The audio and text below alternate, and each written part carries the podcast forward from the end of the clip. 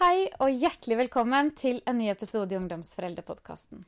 I denne episoden så kjente jeg bare at nå var det på tide å snakke litt om koronaepidemien, om hva den gjør med oss, denne isolasjonen. Og ikke minst, hva gjør den med barna og ungdommene våre? De betaler en høy pris om dagen, og nå, nå trenger de en dato. Nå trenger de skolen sin, nå trenger de vennene og litt normalitet snart. Med meg til å snakke om dette og om mye annet, så har jeg i denne episoden Kristin Oudmeier. I tillegg til litt koronaprat, nemlig, så snakker vi om digitale medier, og så snakker vi om mobbing. For Kristin hun har skrevet hele tre bøker om mobbing. Og hun er stadig å se som samfunnsdebattant i media og i aviser. Kristin hun jobber som fungerende direktør for barns rettigheter i UNICEF, og hun leder der prosjektet som heter Du kan være den ene. Og i denne episoden så får du helt konkrete råd til hva du kan gjøre for å være nettopp den ene, som betyr enormt mye for en barn eller en ungdom. Og så får du også innblikk i hvor enkelt det er, hvor lite som skal til faktisk, før vi alle kan gjøre en stor forskjell. Jeg ønsker deg god lytt.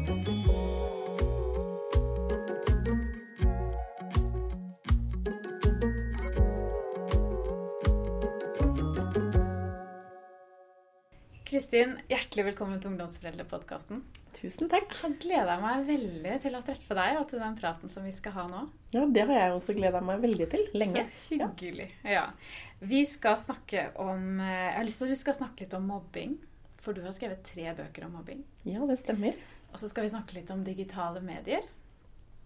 Og litt den der utfordringen som det gir for mange, mange foreldre, og kanskje spesielt i disse dager. Men aller først så tenker jeg at vet du, vi må snakke litt om livet nå. Ja.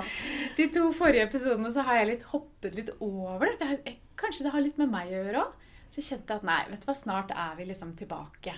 Dette her varer sikkert ikke så lenge. Og så begynner det liksom å sige litt inn, i hvert fall hos meg. Og jeg tror ikke jeg er alene om det. Liksom at dette her, det kommer til å vare ganske lenge. Så begynner vi jo nå å nærme oss å se at liksom ting avlyses for sommeren. Hva skal vi gjøre i sommer? Den turen til Italia? Nei, den må vi legge vekk. Regner med det er litt sånn for deg også?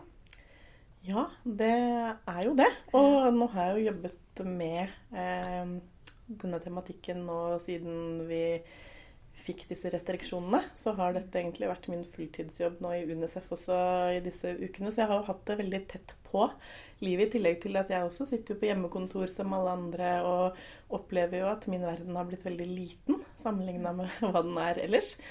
Og jeg tror at uh, man da får behov for å distansere seg litt også. Man trenger alt som representerer en normalitet og noe annet. Så når det skjer litt andre store ting i verden på nyhetene, så blir jeg glad.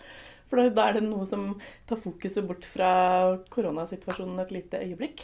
Og sånn tror jeg det er for veldig mange. At man trenger et lite friminutt fra denne situasjonen. Mm. Ja, litt, sånne, litt pauser, rett og slett.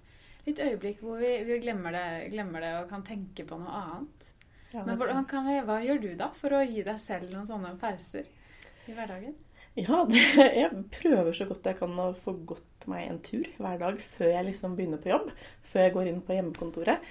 Eh, med høy musikk på øret og gå litt fort og bare tenke på alt eh, og ingenting, egentlig. Mest ingenting. Eh, og så har jeg og mannen min vi har begynt å prøve å tenke litt på sommerferien. Hva er det som er mulig å gjøre nå? Eh, og så er det en fin ting vi også har oppdaga i denne situasjonen her, og det er at vi kan ikke treffe så mange forskjellige venner nå. Men de vi treffer, det blir en annen nærhet i vennskapene nå når vi er sammen. Eh, og at eh, noen vennskap har blitt enda sterkere og tydeligere gjennom de ukene her. Så det å bruke litt tid på venner og nær familie, uansett hvilken form, det er et viktig friminutt for meg. Og da snakker vi om alt annet enn denne situasjonen her. Stort sett. Ikke sant. Ja, fordi man har jo litt sånn måttet velge seg noen. ikke sant? Vi kan ikke treffe alle nå. Og så har man kanskje liksom da gjennom det fått en opplevelse av at det båndet der er faktisk litt sterkere. Eh, eller sterkt mellom oss fordi vi velger dere, på en måte. Eller vi mm. velger å være sammen med dere. Det sier jo noe, det. Og, og barn har jo også fått beskjed om at de liksom skal velge seg ut noen. For å ikke Nå, nå slippes det jo litt opp nå, i hvert fall for de minste, da. Men, eh, men, i det så ligger det jo noe veldig fint. Og så ligger det noe veldig vondt også, tenker jeg. Fordi det er ikke alle som blir valgt. Ja, og det er veldig sårt, og kanskje særlig for barn og unge akkurat nå, å ikke være blant de utvalgte. Jeg tror det som skjer i denne situasjonen, er at den blir et forstørrelsesglass på livet vårt på mange måter. At det som er godt, og det som vi trenger å dele med noen som står oss nær, det gjør vi i enda større grad nå. Fordi vi trenger den bekreftelsen, og vi trenger å kjenne det fellesskapet.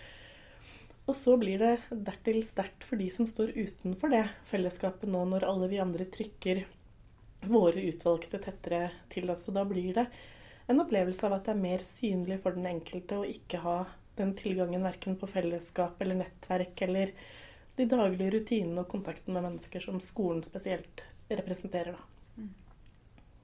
Ja, for ensomheten den blir veldig mye sterkere nå, tenker jeg, for de som ikke har så mange rundt seg. Eh, og så tenker jeg jo spesielt på barn og unge nå. Kanskje aller mest på ungdommene. Jeg syns Bent Høie hadde en veldig, veldig fin eh, tale eh, et innlegg på sosiale medier til de. Eh, det var virkelig sånn Det var på sin plass nå. For jeg tenker at de har, de har eh, på en måte ofret så mye nå. Eller de har, det har kostet mye for de. Um, det har det. Og jeg syns at ungdommen har fått ufortjent lite oppmerksomhet i denne situasjonen. For det er kanskje de som dette er mest inngripende for, og får aller størst konsekvenser for. Og Likevel så opplever jeg at voksne tar det som en selvfølge at dette tåler de. De har jo vennene sine på Facebook eller Instagram uansett, og de er så vant til digitale medier. Og så overser vi egentlig hvor store konsekvensene blir for dem. Fordi de henger ikke bare sammen på nett. De er vant til å være frie fra oss voksne i store deler av dagen. Eh, de er vant til å kunne dra på fritidsaktiviteter, treffe venner, leve et mye mer impulsivt liv uten å bli titta over skulderen og uten å høre lydene av familien rundt seg til enhver tid. Eh, og nå blir deres verden skrumpa inn så til de grader. I tillegg til den usikkerheten med at ikke det er satt noe dato for når virkeligheten, eller ikke virkeligheten, men hverdagen kan begynne å vende tilbake for dem. Så derfor så har jeg i det siste når jeg har hatt anledning, snakket om akkurat det, hvor viktig det er at de også får en dato. De må få noe mer håndfast å, å forholde seg til, og så må de prioriteres mye tydeligere. Fordi konsekvensene for dem blir så mye større enn de gjør for mindre barn, som trenger mer kontakt med voksne, og naturligvis er på samme sted som voksne i mye større grad. Ja, og som ikke har så langt perspektiv heller, som ungdommene har. Altså For små barn så tenker jeg dette har for mange vært en lykke. De har ja, fått mye mer tid med foreldrene sine, ja. Eh, og de trives med det. Mm. Eh, men, men, det er annerledes for ungdommene. Som, ja. Det er det. altså Det er annerledes uh, for ungdommen. Og jeg tror, uh, i hvert fall så har jeg fått tilbakemelding fra en god del ungdommer om at en ting er liksom ikke treffe venner og sånn, men ungdom som strever fra før, de får ikke tak i helsesøster, de får ikke tak i de personene som er viktige ankre i deres hverdag ellers. Fordi helsesøster jobber nå med smittevern i kommunen, og denne historien hører jeg mange steder, og det er mange fortvila ungdommer nå som ikke helt vet hvor de skal eh, søke kontakt eh, med voksne som de stoler på, og som de kan lufte ut litt til. Mm tror du er helt rett i. Nå jobber jeg som helsesykepleier selv eh, på en skole her i Oslo. Heldigvis kan jeg si at nå er vi på vei tilbake, da. Mm. Og det er, det er, kjempeviktig, tenker jeg. Ja, det Så nå må barn og unge De må ikke nøle med å ta kontakt, i hvert fall. For det, det trenger de. Og de eh, Jeg tenker det er, det er liksom Det er én gang i livet eh, du fyller 18 år. Ja. for eksempel, jeg har en sønn som blir 18 år nå på lørdag. Mm. Og jeg, åh, sant? Eh, det er, det er, et litt annet perspektiv. Det er en gang i livet du er russ. Mm, mens vi voksne vi tenker liksom ja, det er denne sommeren, og så kommer det en ny igjen. Men sånn er det jo ikke for de. Nei, de lever jo her og nå. De har ikke så lange perspektiver, de. Og de er som regel også veldig flinke til å planlegge ting i nær fremtid som de gleder seg til, og fyller opp livene sine med det. Og nå så er både det de har planlagt, der borte, og de vet heller ikke når de kan begynne å planlegge for nye ting å se frem til. Eh, og jeg tror at særlig ungdom som opplever at det er så stort press, og det er mange krav, det er store avgjørelser som skal tas akkurat i den alderen. Og det da å ha helt andre ting å se fram imot og kunne planlegge for sammen med venner, det er kjempeviktig for å holde ut med det presset som man opplever. Og det presset er jo ikke borte med denne situasjonen, kanskje tvert imot. Så er det enda tydeligere krav Og behov for at de viser hva de faktisk eh, kan gjøre og få til, da. Mm. Hva tenker du at vi voksne som er rundt disse ungdommene, hva, hva, hva kan vi gjøre for å gjøre situasjonen litt lettere for dem? Jeg tror noe av det aller viktigste vi kan gjøre, det er å slutte å bagatellisere situasjonen for dem. Og slutte å si ting som at eh, ja, men det er jo bare å chatte litt med noen eller ta kontakt med noen, og så er det så greit. Eh, fordi vi opplever at mulighetene ligger jo der, og at eh, det jo bare er å gjøre det. Men sånn er det ikke for mange i dag. Og det vi også skal være klar over, er at den kontakten ungdommer har med hverandre på nett, den er ofte ganske klikkete, for å bruke det ordet. Den involverer ikke liksom 28 stykker i en klasse i noe særlig grad. Det er noen få i hver chat som er ganske nære med hverandre. Eh, og hvis man ikke er en del av en klikk eh, i en chat fra før, så er det ikke dette det letteste tidspunktet å bli en del av det på.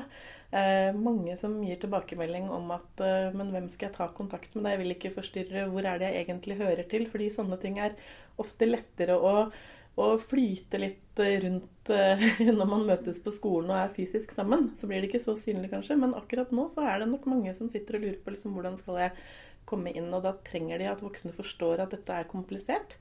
Og at ikke det bare er å ta seg til rette for å få kontakt med andre. Det tror jeg er veldig viktig. Og så er det kanskje også muligheter for å gjøre noen grep hjemme. At voksne må vurdere om de kan eh, gå seg en litt lengre tur så ungdommen eh, kan få noen venner over og få litt eh, rom hjemme i huset sitt. Og være litt behjelpelig med kjøring og med andre ting, sånn at de faktisk kan gå ut og gå en tur eller møte andre på trygge måter. Og legge til rette for det og vise tydelig at vi prioriterer det nå. At ikke de er overlatt til seg selv når det gjelder å finne ut hvordan de skal håndtere denne situasjonen der. Mm. For så livserfarne er de tross alt ikke. Og vi som voksne har jo ikke engang erfaring med akkurat denne situasjonen. Så da kan vi ikke forvente det av dem. At de skal løse dette og finne ut av det på egen hånd. Men så er det noe med det å forstå uh, deres behov for uh, det å være litt alene. Ja, det er det nok mange som savner nå. Ikke sant? Ja. Mm. Uh, for det, selv er vi jo liksom en stor gjeng hjemme hos meg. Og, og, det er nytt for oss å være så på hverandre hele tiden. Og det, det krever egentlig litt sånn dialog om det, merker jeg. Vi trenger liksom å organisere oss litt. og liksom, Hva funker? Jeg, jeg syns virkelig synd på han sønnen min på 22 nå, som har flytta hjem til oss igjen. ikke sant? tenker, Det er ikke lett, altså. Nei, det er ikke det. Det fordi at de er vant til å bestemme selv hva de vil ha til middag, og nå plutselig så er det vi. Liksom Det å, å gi litt rom da, mm. for at, at de kan få lov til å ja, at ikke vi blir så sjefer hjemme, vi voksne. Ja, det tror jeg er kjempeviktig. Altså, ja. At de føler at de kan få være med å påvirke hvordan det skal være hjemme nå. Ja. Og si noe om hva de trenger av oss. Men samtidig også at man alle sammen etablerer en forståelse for hva vi alle trenger akkurat nå. For vi har fått hjem en 20-åring fra Bergen. Som jo har levd livets glade studentdager i trekvart år. Og plutselig kommer hun hjem og er ikke vant til å ta hensyn på den måten som vi var vant til fra før, da vi bodde sammen alle sammen. Eh, og vi har måttet snakke litt om det at jeg har faktisk behov for at du forteller meg om du skal ha middag her. eller hvor lenge sånn Ikke akkurat på minuttet hvor lenge du blir borte, men liksom kommer du hjem i kveld, eller skal du sove hos pappa til i morgen? Altså, det er greit for meg å vite, så vi kan også planlegge litt. Eh, og så sa hun til meg her om dagen, når jeg tok det opp, så sa hun men da må jo det gå begge veier. Eh, for plutselig har jeg oppdaga at jeg kommer ut av rommet mitt etter å ha vært på en, eh, en, time, og så er ingen av dere der, og så har dere ikke gitt meg beskjed om hvor dere er. Og det var litt sånn Oi, ja, det er jo sant. Det går jo begge veier. At hun også trenger å vite for å kunne planlegge litt, og ikke minst nyte å være alene hjemme når eh, ingen voksne er der. Mm. Så jeg tror det er viktig det å liksom snakke om at nå er det en spesiell situasjon. Det betyr at vi må ta hensyn til hverandre, og at alle skal få mulighet til å å være seg og få litt rom rundt seg, selv om eh, vi er tett på hverandre eh, akkurat nå. Og det tærer nok på mange, det. altså Både voksne og unge. Ja, vi må være litt ekstra rause, tenker jeg, mm. uh, med hverandre. Og jeg syns, jeg syns faktisk at, at, ungdommen nå har liksom vært utrolig rause. Jeg er imponert over mine egne ungdommer, hvordan ja. de har håndtert det. Og jeg syns heller ikke Det, det har jammen ikke vært mye eh, hva skal jeg si, klaging fra ungdom sånn i, i, media heller. De har liksom akseptert denne situasjonen og tatt veldig, tatt veldig på alvor, syns jeg. Ja, det syns jeg er mm. så utrolig imponert. Og det er nesten så jeg har blitt glad når jeg har lest at det har vært noen russ som har prøvd seg. Fordi jeg tenker Det viser at det er liksom det er litt trass der, og det er fortsatt litt uttesting av grenser. Og jeg anbefaler på ingen måte at man skal eh, gjøre det, men det ligger jo i ungdoms natur å prøve å teste ut litt og finne ut hvor grensene egentlig går. Uh, og jeg synes de, Når jeg møter ungdom ute, jeg har vært på stranda, jeg har vært på forskjellige steder, de er så flinke og så disiplinerte til å sitte fem stykker sammen. De sitter med avstand. De liksom passer på hverandre. Uh, og jeg syns det er utrolig flott å se. Imponerende. Jeg tror det er voksne som har uh, klagd aller, aller mest i denne situasjonen her tror jeg du har helt rett i. Og så speiler det vel kanskje barn og ungdom i dag generelt også. ikke sant? Mm. Nettopp hvordan de har håndtert denne situasjonen. Hvor kloke de er. Ja, de er kloke. Mm. Og de, jeg opplever at ungdom i dag, de er utrolig forståelsesfulle. Eh, de stiller mange spørsmål og krever gode svar, men hvis de får det, så er det ganske enkelt å få de med på laget. Og få de til å forstå hvordan vi kan virke sammen, og hvordan vi kan dra i samme retning. Eh, så jeg syns det er eh, herlig å se hvordan eh, ungdommen er i dag, selv om de utfordrer oss også. Men på en annen måte enn det kanskje jeg gjorde da jeg var ungdom og utfordra de voksne rundt meg. Mm. Og det skal de gjøre òg. Ja, det er fint. De ja. ja. Jeg er helt enig. Jeg heier også litt på det. Men um, det som har vært litt sånn redningen for oss i disse dager, er jo det digitale. Jeg tenker jo, Hva hvis dette hadde kommet for 20 år siden? Det hadde vært noe helt annet. Eh, har, nå kan vi ha Teams-møter. Barna kan ha undervisning via, via nett. Eh, og det er jo en redning, og veldig, veldig mye fint med det. Men så hadde du en veldig interessant artikkel, eh, for du er sånn samfunnsdebattant og skriver litt i avisen her. Det var nå denne uka her, var det ikke det? Ja, forrige uke var det. Forrige ja. uke var det faktisk. Ja, ikke sant? Som handlet litt om det her med at barn trenger voksne som forstår og i forhold til dette med, med, bruk av digitale medier. Og det er, jeg tenker at nå, nå, bruker vi det mer. Vi har nok en større aksept for at barna bruker mer tid eh, på nett eh, enn en de får lov til å gjøre ellers, eh, siden livet er som det er. Og dette, dette skaper litt hodebry, tenker jeg. Vil du, vil du ja. si litt om hva du skrev om i den artikkelen din, Kristin? Ja, altså jeg ofte så tror jeg, utenom denne situasjonen også, så tror jeg at barn og unges bruk av digitale hjelpemidler og medier ofte irriterer voksne mye eh, på den ene siden. Samtidig så er det ikke til å stikke under en stol at det også gir voksne litt friminutt og barnepass og mulighet til å holde på med sine egne, egne ting. Men veldig ofte når voksne engasjerer seg i barn og unges digitale liv, så handler det om å regulere det.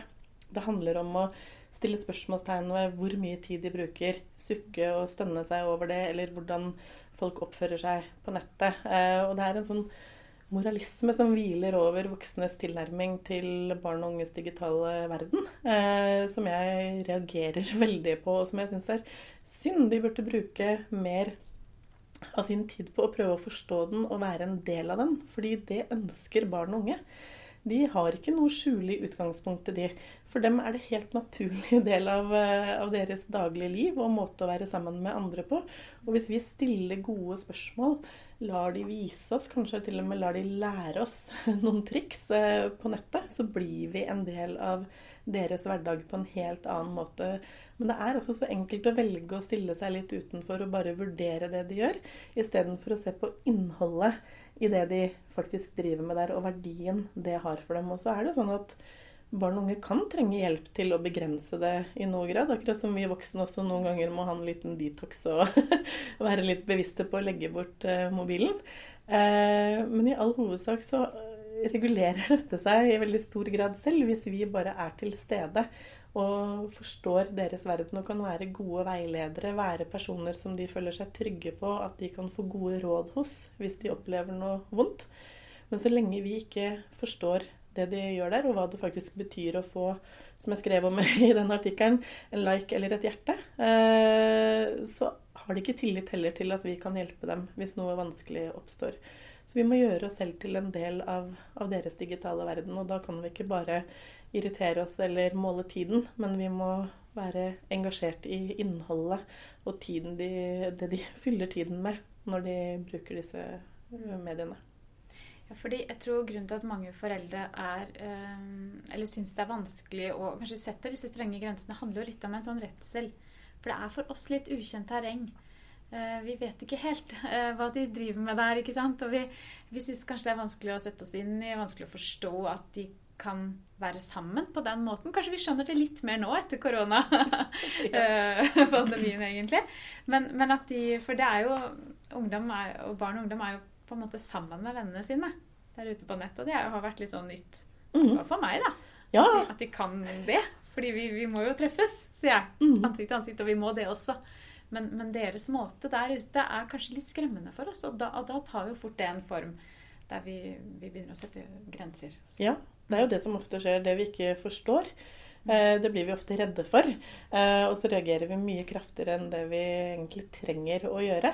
Men det er derfor det er så viktig at vi investerer litt i å forstå deres verden og bli en del av deres verden. Og da er jeg sikker på at mange voksne vil bli beroliga når de ser hvordan barn og unge bruker tiden sin, hvordan de manøvrerer, hvis de får mulighet til å dele alt de har av kunnskap om personverninnstillinger, om hvordan de beskytter seg, eh, hvordan de kan passe på hverandre når de er sammen på nettet, så tror jeg mange foreldre vil trekke et lettelsens sukk og tenke at ja, det er jo godt. Det er jo sånn det egentlig er også utenfor nettet, dette de beskriver nå. Fordi det er ganske likt, det som skjer på nettet og det som skjer utenfor nettet. Men vi voksne gjør dette til å være noe helt eget og noe, en helt annen måte å være sammen på, mens det i virkeligheten for ungene selv er det samme.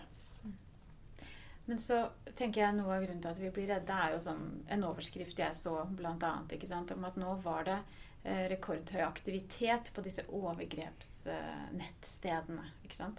Fordi nå er de så mye der ute at de er lettere ofre for, eh, for, den type tilnærming. Da, som, som, det, det, er jo sånne ting som er med på å gjøre oss engstelige. Altså hvordan, hvordan vi, ok, vi kan vise interesse, men, men, hva kan vi liksom gjøre for å beskytte de da?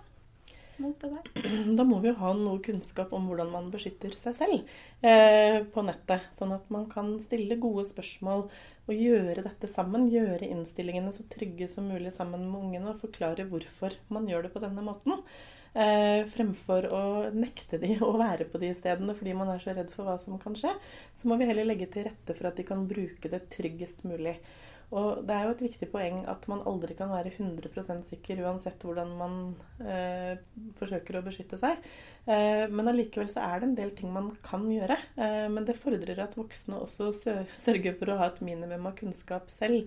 Så de kan være gode sparringspartnere for både barn og unge når det gjelder å, å beskytte seg.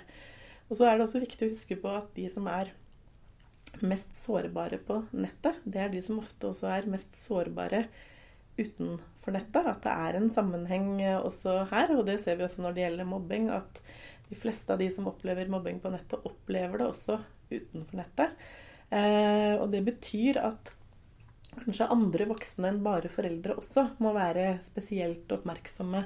Og på tilbudssiden når det gjelder å ha gode samtaler med barn og unge rundt deres digitale liv. Fordi det er ikke alle barn som kan få det hjemme. Og da må andre instanser rundt barnet trå til. Mm. Jo, men jeg tenker jo det at hvis vi har hvis vi har det der grunnleggende på plass, den der gode kommunikasjonen med barna, at de kan komme til oss eh, hvis det er noe, da.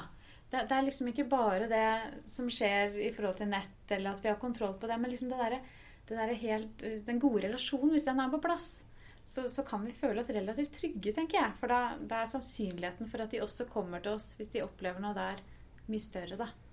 Ja, det er jeg helt enig i. Og den trygge, gode relasjonen den kommer jo også på plass som en følge av at man er interessert i alle deler av barnas liv. Eh, at ikke det bare gjelder å heie på håndballbanen eller eh, engasjere seg i skolearbeidet, men at man også er interessert i, i den digitale delen av livet deres. Og, og, rett og slett har det som en naturlig del av hverdagssamtalene. og kanskje også gjør ting sammen med egne barn på nettet, sånn at barna virkelig føler at dette forstår de voksne, og dette er de interessert i. Eh, og da blir det lettere å komme til oss når det er ting de lurer på, eller ting de opplever som voksne bør få vite om. Mm. Akkurat som ellers i livet. Vi skal snakke litt om mobbing òg, eh, tenker jeg, Kristin. Det må vi. Ja. For det har du skrevet tre bøker om. Um, Den første kom var det i 2010? Ja. ja. Fordi jeg fortjener det. Eh, du er viktigere enn du tror. Og så nå til slutt mobbeboka. Ja, det stemmer. Ja, alt du lurer på, men ikke tør å spørre om. Um, så mobbing det er noe du har jobbet med i mange år. Nå jobber du i Unicef. Uh, og med, med, et prosjekt som jeg ikke husker navnet på akkurat nå. Men... Du kan være den ene. Kan du si, først si litt om det prosjektet? Uh, du kan være den ene er det første programmet egentlig som Unicef Norge hadde rettet mot barn i Norge. Ehm, og det har også tiårsjubileum eh, nå. Eh, og det handler rett og slett om å formidle til voksne kunnskap om hva det er som gjør barn og unge sårbare i vår verden i dag. Eh, hvordan kommer sårbarhet og usikkerhet til uttrykk når barn strever? Eh, og hvordan kan vi gjenkjenne det, og ikke minst hvordan kan vi møte det som helt vanlige voksne uten å ha lærerutdanning eller være psykologer eller helsesykepleiere? Hvordan kan vi som enkeltmennesker rett og slett bidra til at alle barn får like muligheter å få høre til, uansett hva slags utfordringer de har?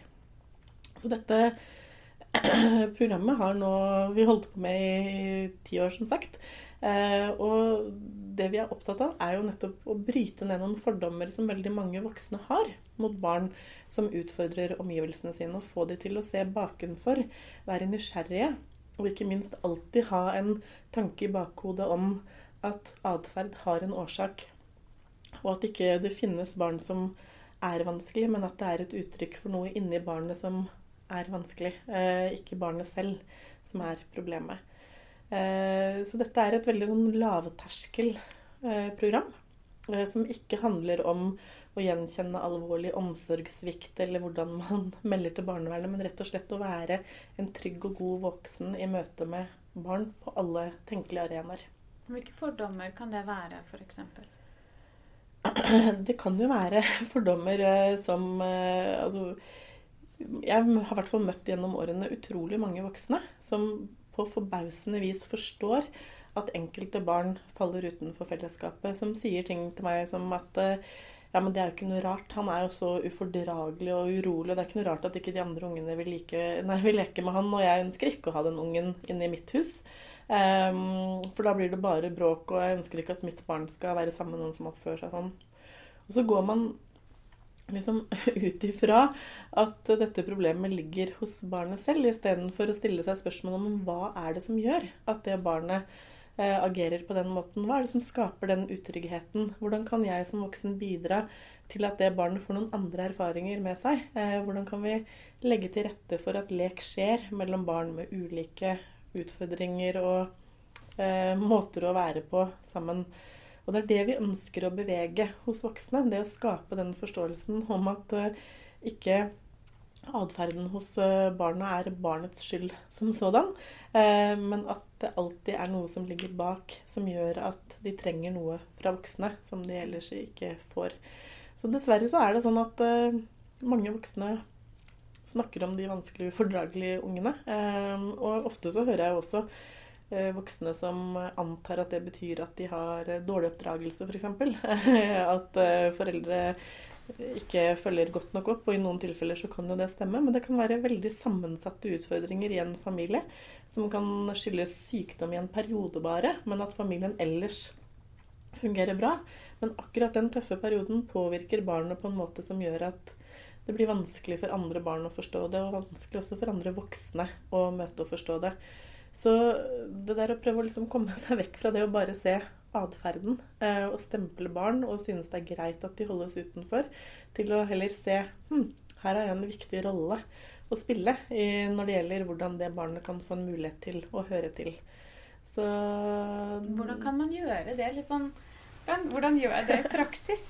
For å kunne være den ene da, ja. som ser det barnet. Hvis, hvis en av mine barn har med seg en hjem kanskje, som, som jeg sier 'Å, guri, dette her var litt eh, Det var litt mye.' Kanskje vedkommende var litt frekk eller litt, mm. eh, tok seg litt mye til rette. Det er sånne ting som i hvert fall jeg kan synes er litt, eh, litt vanskelig å håndtere. Hva, hva kan jeg gjøre? Det skjønner jeg veldig godt. Det må jeg si at jeg har masse erfaring med det selv også, å ha utfordrende unger på, på besøk. Eh, Men det som er så utrolig viktig da, er at man ikke slutter å la de komme på besøk. ikke sant?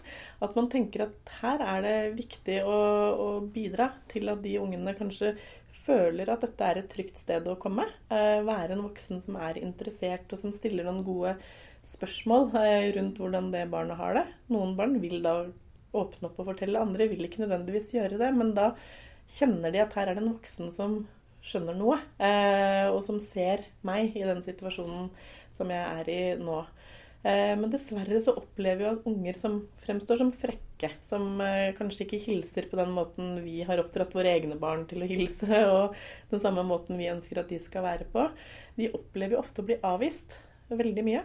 Både av jevnaldrende barn, men også av voksne. Fordi vi holder dem ikke ut, og vi forstår dem ikke, og vi syns det er slitsomt. Eh, og vi blir kanskje også provoserte eh, over at de kan være på den måten.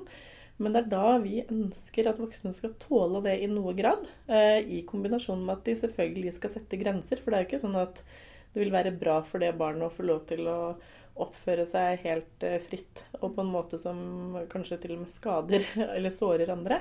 Men det er viktig at man heller jobber med å gjøre det barnet trygt nok. Eh, og at de kjenner at de kan høre til, selv om de ikke nødvendigvis er akkurat lik de andre ungene som er til stede. Da. Så her må voksne bare jobbe med både det de tåler selv, eh, og tørre også å være tydelige voksne. Det er ikke lett, jeg sier ikke det.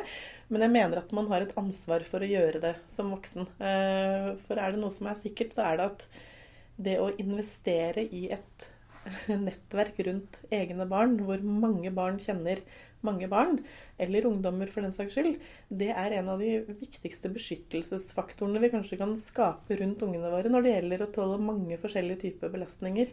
Både der og da i livet, men også seinere i livet. Så det å skape rom for at barn og unge kan være forskjellige, men allikevel være sammen, det er utrolig viktig. Og der har jeg en kjepphest, og det gjelder kanskje særlig litt yngre barn. Men eh, altså, da snakker vi ikke om noen 17-18-åringer, men jeg mener fortsatt sånn 11-12-13 år. Så er det ganske viktig at voksne tør å utfordre litt dette med å bare ha én og to som man ønsker å være sammen med hele tiden. Eh, at man liksom har et åpent og inviterende hjem. Eh, at man stiller gode spørsmål eh, om de som man aldri hører noe om. De som egne barn aldri refererer til, og som det virker som nesten har slutta i, i klassen. Så det er å få egne barn til å se at de også har en viktig rolle å spille når det gjelder eh, de som faller utenfor, det tenker jeg også er en viktig del av dette som voksne må forstå. At de kan bidra til. At det handler ikke bare om å ta alle inn hjemme i huset sitt, men det handler også mye om hvordan man snakker med egne barn om alle de andre ungene som, eh, som egne barn begir seg eh, med i sin skolehverdag, f.eks. Mm, det er jo kjempeviktig. Hvordan vi snakker om andre mennesker. Mm. Eh, bare der. Altså, vi lærer jo barna våre enormt i, i hvordan, vi, hvordan, vi, omtaler både andre, andre, voksne lærere og mm. også de andre barna i, klassen, mm. i, i klassen. Ja, vi gjør det. Og Men ofte så Vi har store forventninger til hvordan de skal oppføre seg, og, og lærer dem mye om det. Eh, men det vi kanskje ikke alltid er så gode til, er å få de til å sette seg litt inn i situasjonen til de som ikke har tilgang på det samme fellesskapet som dem selv. Eh, og der er ikke voksne alltid gode forbilder selv. Fordi vi kan godt kreve på den ene siden at de skal leke med alle, være sammen med alle, ikke snakke stygt om andre. Og så sitter vi og hauser oss opp over folk på TV-en eller sosiale medier eller en nabo eller hvem det måtte være. Um, og så er det ikke sammenheng mellom liv og lære. Uh, og det er vanskelig. Jeg tror ikke vi alltid kommer til å klare å sørge for det. Uh, men det er viktig, så langt det er mulig, å sørge for den uh, sammenhengen.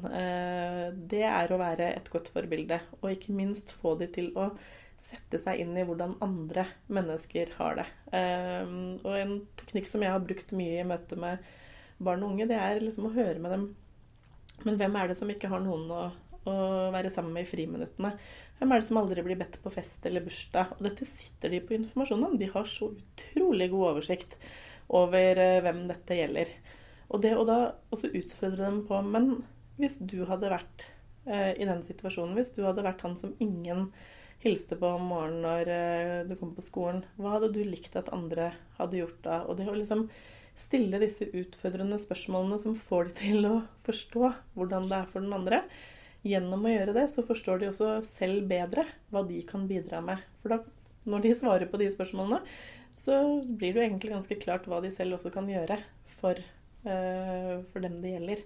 Og der tror jeg vi voksne må pushe litt mer på, uh, og ikke tenke at det betyr at vi legger føringer for hvem de skal være bestevenn med. Det er ikke det det handler om. Det handler om normal folkeskikk.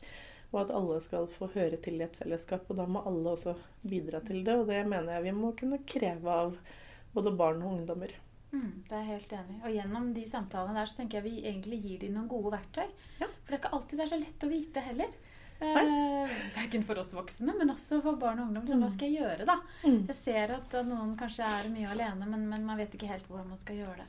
Og så kan, kan vi voksne hjelpe på den måten. Mm. Og så tenker jeg det med å bare Eh, jeg syns det er så fin den tittelen 'Du kan være den ene'. Altså det, det, å bare ha et åpent hjem, da. Mm. Uten at vi nødvendigvis må gå inn i liksom det som er utfordringene, eller, eller liksom spørre det barnet om hva som skjer hjemme. Eller bare liksom ha et sted der de kan føle seg trygge, der de kanskje kan få middagen. Bare det kan liksom bety enormt mye.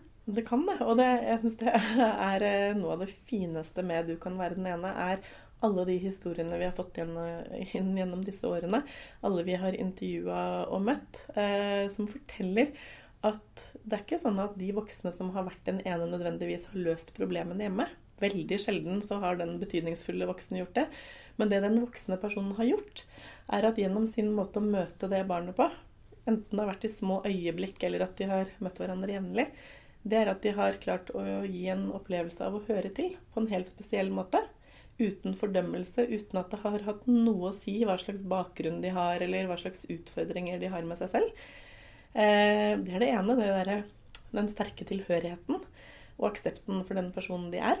Eh, og så får de håp om at det venter noe annet og noe bedre der ute. Hele livet er ikke nødvendigvis sånn som det er hjemme hos oss.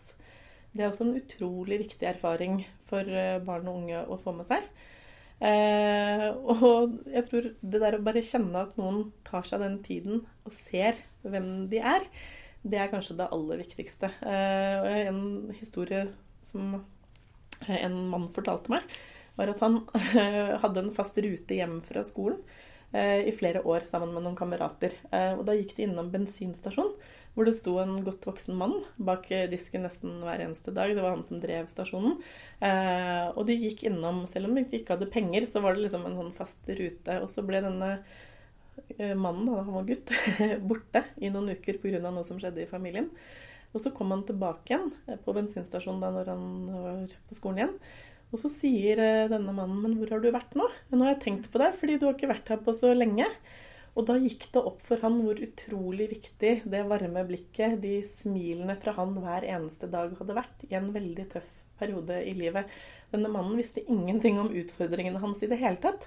Men allikevel så representerte han en trygghet eh, som han trengte på den tida der. Og han mener selv at det der å kunne få de blikkene, de gode spørsmålene, eh, tullinga eh, bak disken der, eh, nesten hver eneste dag, det var med på å gjøre at han holdt ut en veldig krevende familiesituasjon over lang, lang tid. Jeg tror egentlig at det også betyr at mange av oss er en sånn person i det daglige. Det er mye vi sier og gjør som vi ikke tenker over at har så stor betydning, men som allikevel kan bli et viktig minne som barn og unge som strever kan gjemme på og ta fram når det er uh, tøffe dager. Og virkelig minne seg selv på at de har blitt sett, og det er noen som vet at jeg eksisterer, og som bryr seg om om jeg er her eller ikke. Det er utrolig viktig å erfare. Ja, Det var en nydelig historie. Og så er den ikke unik. Jeg har hørt lignende nå. Ja. Hvor, hvor, lite det er som skal til, faktisk. Mm, mm. For at, uh, at, et barn faktisk kan, kan klare seg. Ja. På tross av ganske mm. mye. Mm. Så er det mm. Ja, det er mye mindre enn det man kanskje er klar over. Ja. Og det er jo det vi også ønsker å formidle med 'Du kan være den ene', er at det handler ikke alltid om å liksom ta på seg store forpliktelser eller løse dyptgripende problemer, men det handler om å være den personen som gir de gode erfaringene som vi vet kan faktisk være et spørsmål mellom liv og død i enkelte tilfeller. Det kan være helt avgjørende for hvordan barn klarer seg.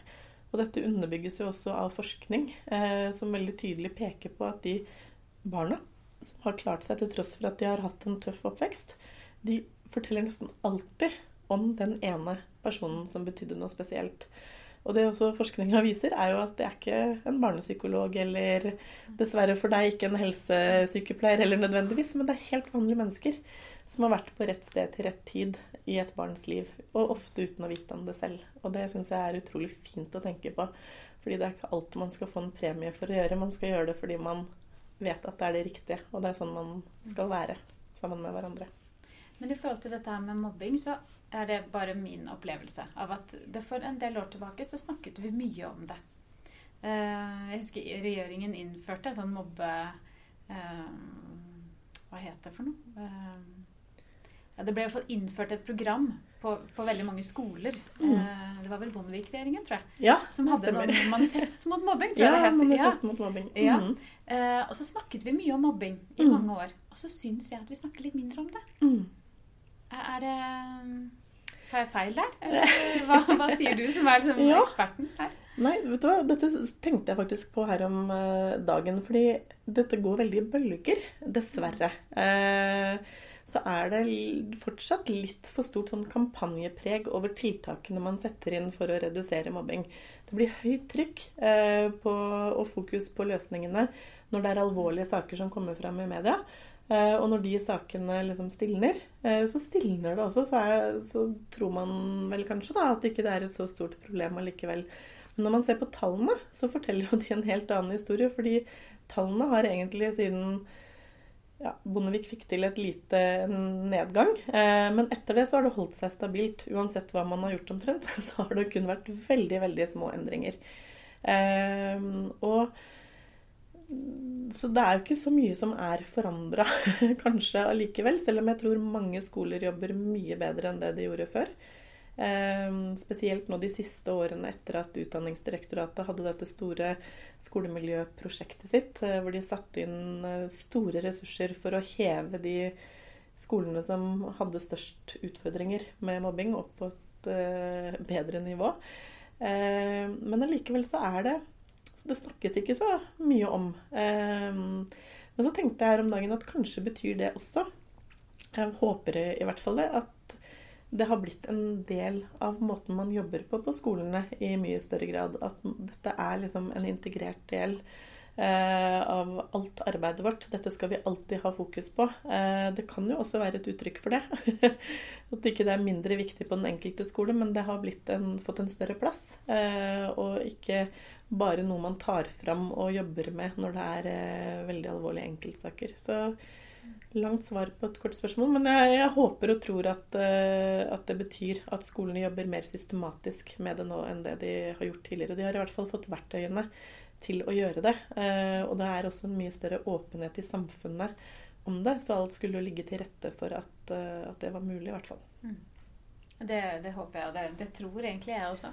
Ja, jeg det, tror det, er litt det at vi har, vi har, fått det litt inn. Vi ja. har fått satt, satt, det på agendaen, og så mm. har det blitt en del av av den, den daglige, det daglige arbeidet på skolene. Mm. Ja. ja. Ja, Blir det noen flere bøker da, Kristin? ja, egentlig så bestemte jeg meg da jeg var syv år for at jeg skulle bli romanforfatter. Eh, og det har jeg alltid trodd at jeg skulle bli. Eh, og det tror jeg fortsatt at jeg også skal bli.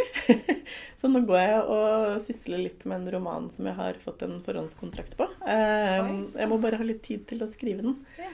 Eh, så kanskje jeg får begynt ordentlig nå i sommer. Men eh, jeg håper at det blir flere bøker. Eh, men jeg har ikke noen fagbøker på agendaen akkurat nå. Det har jeg ikke. Spennende.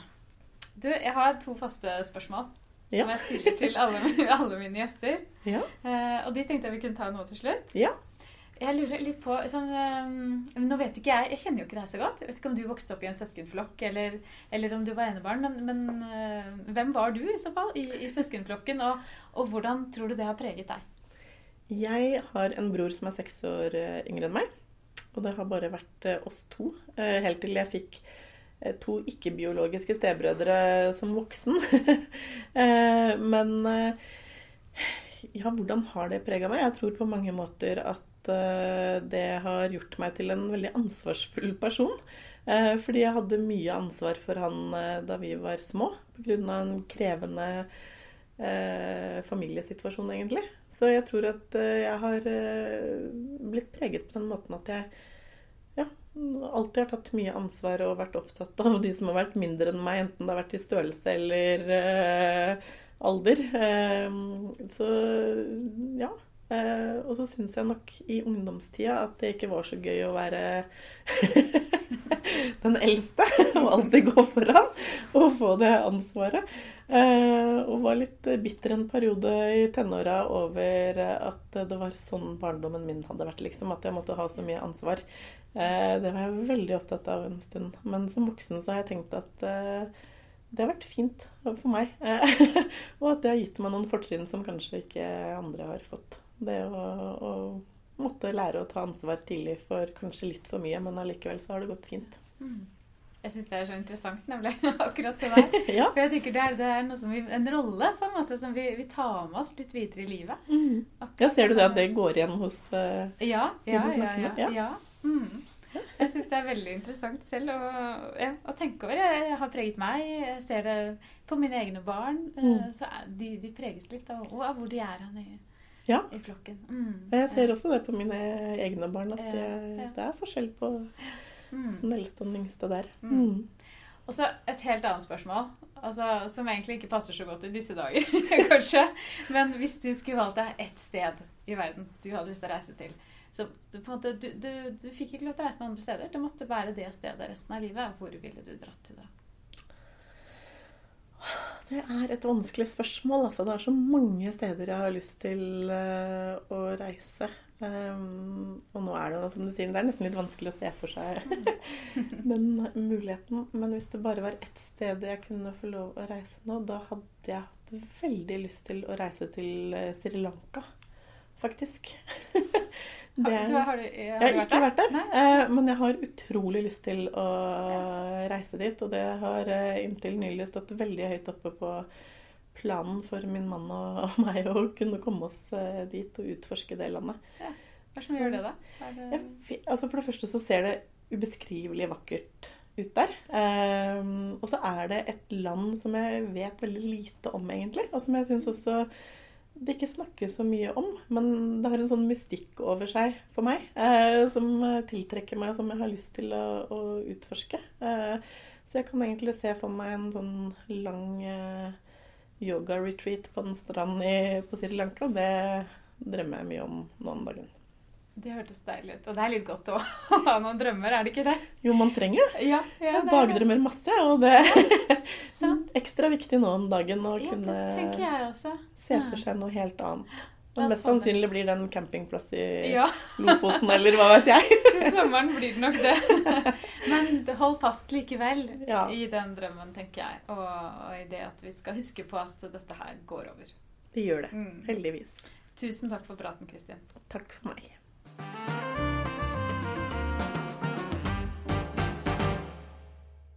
Jeg håper du likte denne episoden. Send meg gjerne Eh, ris eller ros eller eh, innspill til tema. Kanskje du har et konkret spørsmål, en historie, noe du trenger svar på. Eller kanskje du har et godt tips til gjest her i Ungdomsforeldrepodkasten. Jeg blir så glad for en mail fra deg. Og den sender du til ann-jeanette at samtaleverkstedet.no. Vi snakkes igjen om to uker.